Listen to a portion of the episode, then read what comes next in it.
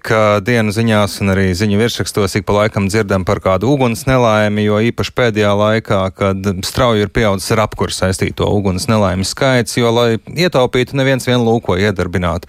Kādas vecas, sen nelietotas krāsnes, plītis, un uh, kaut kā tā ir sanācis, ka tieši šis ir tas laiks, kurā kritiskā personāla trūkuma dēļ valsts ugunsdzēsības un glābšanas dienests ir lēmis līdz gada beigām īslaicīgi un periodiski slēgt 18 mazāk noslogotas posteņas. Iedzīvotāji tiek mierināti, ka palīdzība tiks sniegta, taču reaģēšanas laiks uz izsaukumiem gan varot pieaugt. Un, ja uguns nelaime parasti nenāk brēgdama, tad šī situācija gan trauksmes zvani par nespēju nodrošināt pietiekamu darbinieku skaitu, konkurētspējīgu atalgojumu ir skanējuši, bet atbildīgie vai nu nav gribējuši vai spējuši šo problēmu risināt ne tikai pie glābējiem. Darbinieki ir pamaz arī policijā, robežsardzē.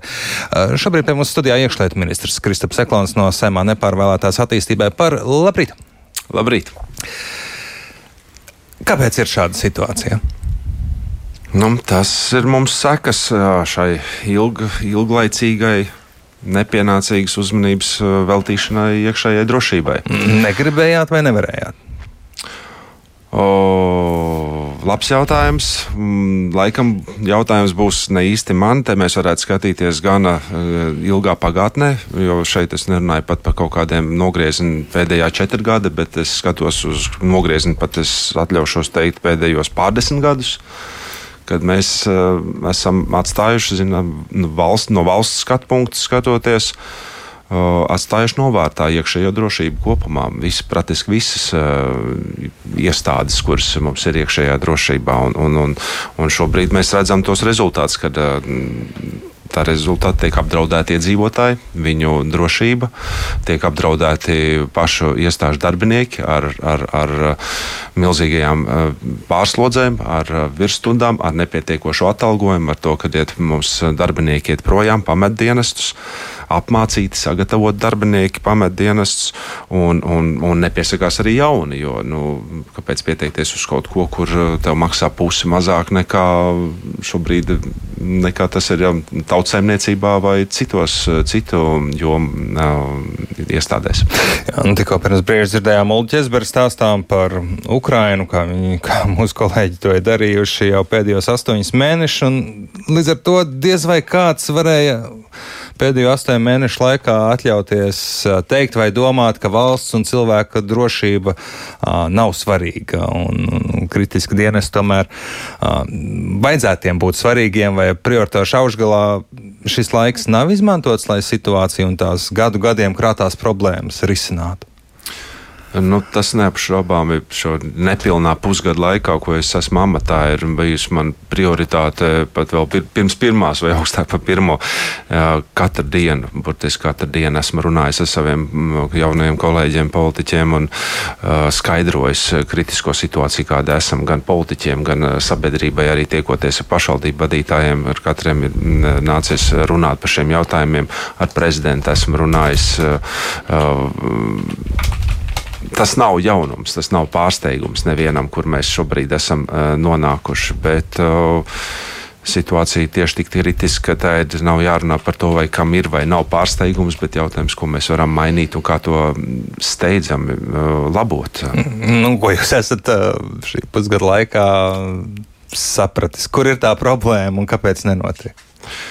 Mm Par nožēlu pašam nebūs iespēja piedalīties nākošā budžeta sadalīšanas pārunās, un ar ne tikai sadalīšanas, bet arī pašu jau pirmsākumos izveidojot valdības memorandu vai, kā, vai tos dokumentus, uz, uz kuriem bal, balstīsies nākušās valdības darbība.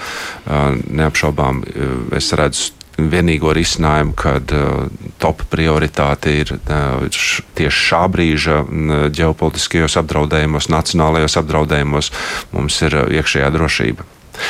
Ne, tas ir tikai ne, ne, nauda, ne, ne, ne tikai iekšējā neapšaubām Jā. drošība, arī ārējā drošība nav mazāk svarīga.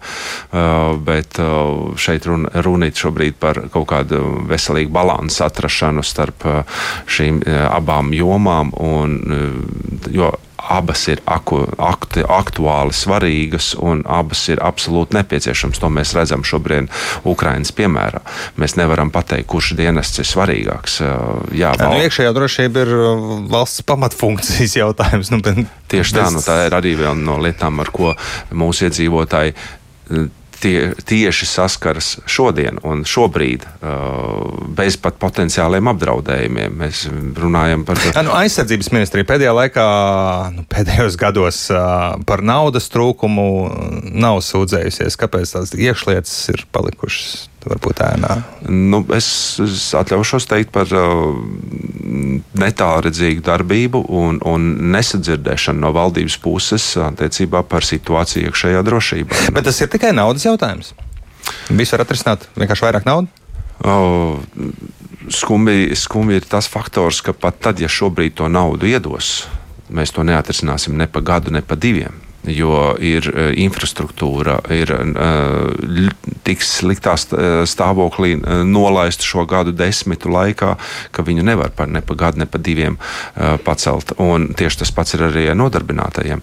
Mēs nevaram ne policistus, ne ugunsdzēsējus, ne robežsargus, robežsargus kvalitatīvi sagatavot visā termiņā. Tas prasa gadus, gadu investīciju gan naudas izteiksmē, gan darba izteiksmē, ka mums ir viņus jāizskola, jāizglīto, jāiedod viņam to pieredzi strādāt šai jomā, un tikai tad viņš varētu sevi uzskatīt par profesionāli un sniegt patiesi pilnvērtīgu, pak, pilnvērtīgu servisu drošību iedzīvotājiem. Jā, tā ir bijusi tāda apzināta valsts politika, vainot valsts drošību pēc tā, ko jūs visu nu pats stāstījāt. Nu, es šī, šādas sazvērstības teorijas noteikti negribētu izskatīt, un pat neredzu viņām arī pamatojumu, bet, uh, kā jau minēju iepriekš, tā nav bijusi pietiekoša iedziļināšanās uh, un, un, un, un drusku tālredzīgāk, uh, tālredzīgāks redzējums, kāda būs tā mūsu valsts iekšējā drošība. Jā, Kādā stāvoklī nu, jūs tomēr uh, esat pēdējo pusgadu strādājis, iepazinis, uh, ir iekšlietas struktūras, cik uh, liela ir to spēja, kapacitāte nodrošināt drošību valstī kādā ārkārtas situācijā? Mēs varam uz mēs, to paļauties šobrīd. Mēs neapšaubām varam paļauties joprojām uz iekšējo drošības iestādēm un Mēs, teiksim, tā, mēs pa šos gadu desmitiem esam pie tā radināti, nu, kad, kad ja vajag, tad izdarīs. Bet jautājums, cik ilgi to mēs darīsim uz mūsu uh, nodarbināto uh, veselības, uh, noslodzes, uh, psiholoģiskās izdegšanas rēķina. Un, un šie, šie rādītāji mums traumatisms burtiski pieauga katru mēnesi, gluži tāpat kā pieauga vakantu amatu skaits ar katru mēnesi.